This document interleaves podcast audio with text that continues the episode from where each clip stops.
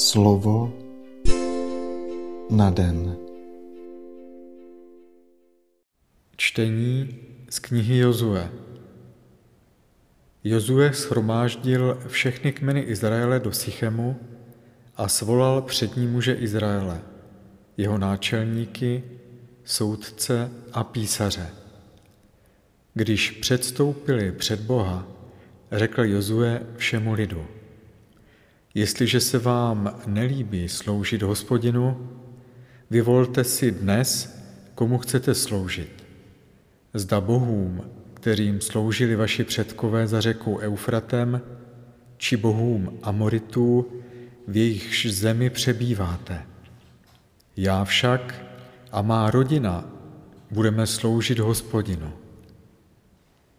Lid odpověděl, daleko ať je od nás myšlenka, že bychom opustili hospodina a sloužili cizím bohům.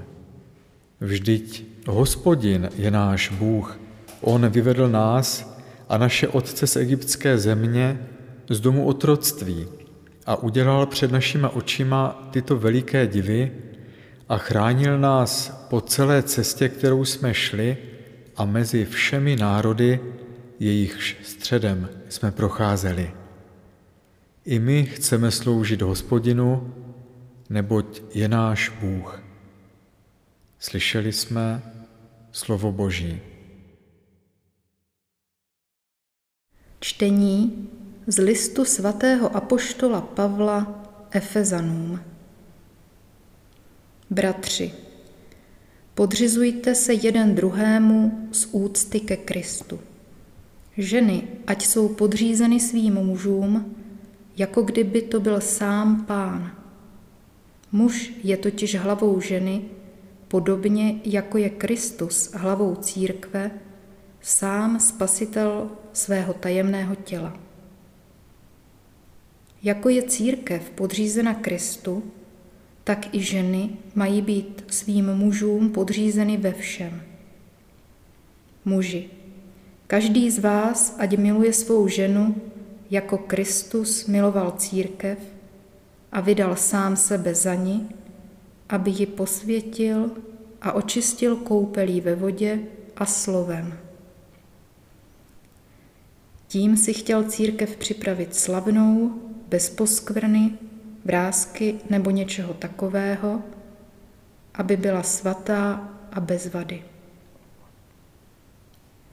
Tak také muž má mít svou ženu rád jako vlastní tělo.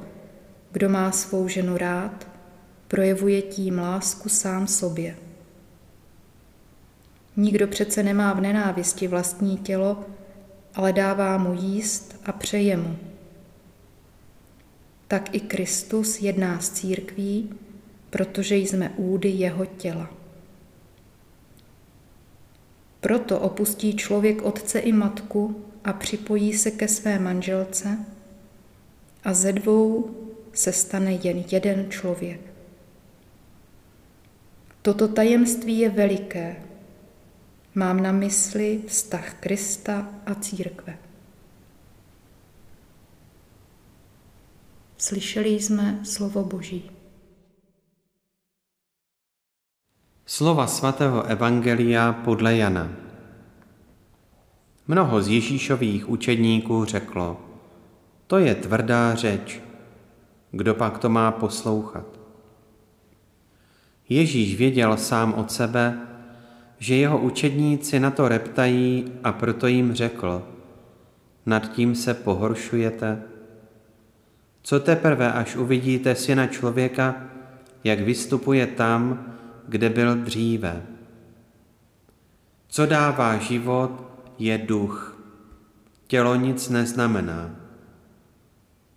Slova, která jsem vám mluvil, jsou duch a jsou život. Ale jsou mezi vámi někteří, kdo nevěří. Ježíš totiž věděl od začátku, kdo jsou ti, kdo nevěří a kdo je ten, který ho zradí. A dodal, proto jsem vám říkal, že nikdo ke mně nemůže přijít, není-li mu to dáno od Otce. Proto mnoho z jeho učedníků odešlo a už s ním nechodili. Ježíš tedy řekl dvanácti, i vy chcete odejít? Šimon Petr mu odpověděl, pane, ke komu půjdeme?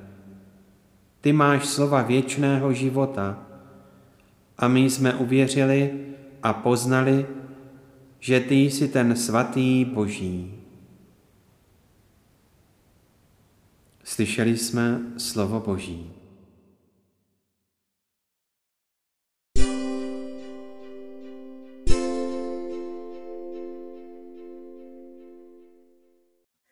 Dej mi, pane, svého ducha, abych dokázala přijmout tvá slova věčného života. Bez tvého ducha bych jen ničila tvé dílo, obracela na ruby tvé slovo. V Eucharistii viděla pouhou věc, víru překrucovala podle svých vlastních představ. Tvých přikázání bych se bála a tvůj zákon považovala za morálku pro otroky. Dej mi svého ducha, abych ve chvílích zkoušky necouvla naspět a neopustila tě, když se mi tvé požadavky zdají nelidské, když mi evangelium vůbec nepřipadá jako radostná zpráva, ale jako ohrožení mých osobních plánů. A když vnímám smlouvu s tebou jako otrocké pouto.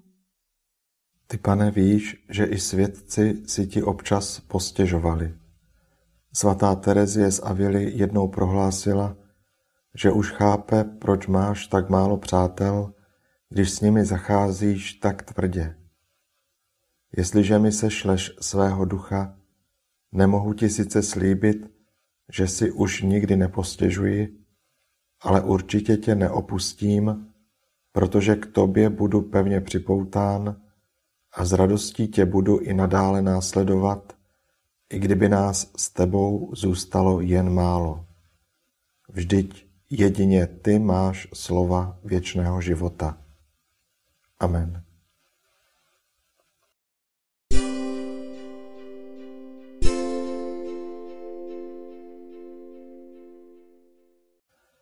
Dnes si často opakuj a žij toto Boží slovo.